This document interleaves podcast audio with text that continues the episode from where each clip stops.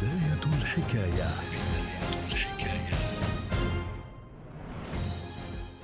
السابع عشر من يناير 2020 يختتم رالي دكار الدولي دورته الثانية والأربعين بعد أن قطع المشاركون به مسافة تمتد لنحو 7500 كيلومتر على مدار 12 يوماً. اختتم الرالي الأكثر شهرة عالمياً الذي انطلق من أوروبا وانتقل إلى إفريقيا ثم إلى أمريكا الجنوبية.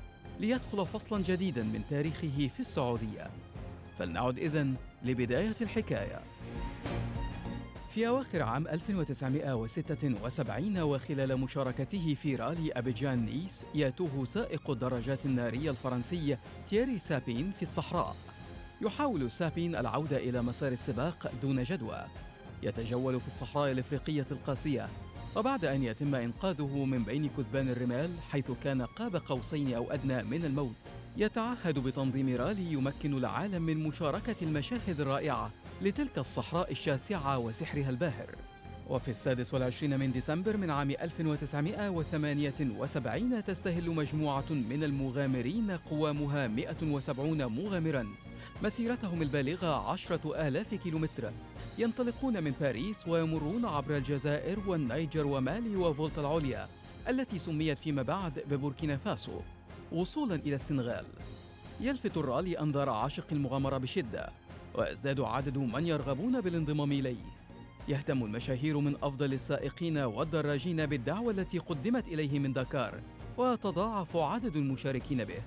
وفي عام 86 يلقى مؤسس رالي دكار والمشرف عليه تيري سابين حتفه إثر سقوط المروحية التي تقله أثناء إشرافه على نسخة ذلك الموسم.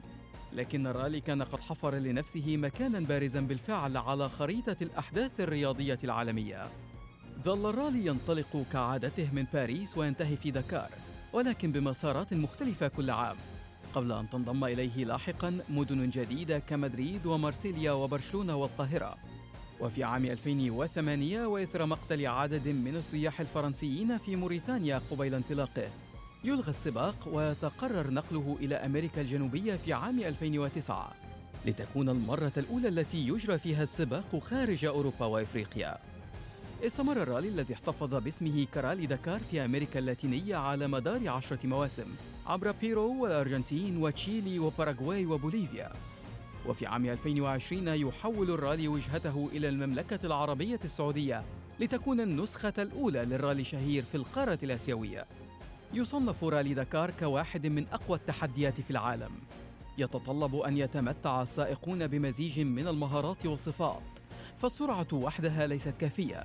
يتوجب أن يتمتع المشاركون بمهارات كالملاحة والاستقرار في الأداء والخبرة في اجتياز التضاريس المختلفة والتعامل مع الأجواء المتقلبة من البرد القارس إلى القيظ الشديد ومن السير في كثبان الرمال إلى تجاوز المستنقعات يتوجب عليهم العمل يوميا من الخامسة صباحا مع اجتياز مسافات طويلة تصل ل 900 كيلومتر يوميا والتعامل مع الإنهاك الذهني والجسدي الناتج عن ذلك.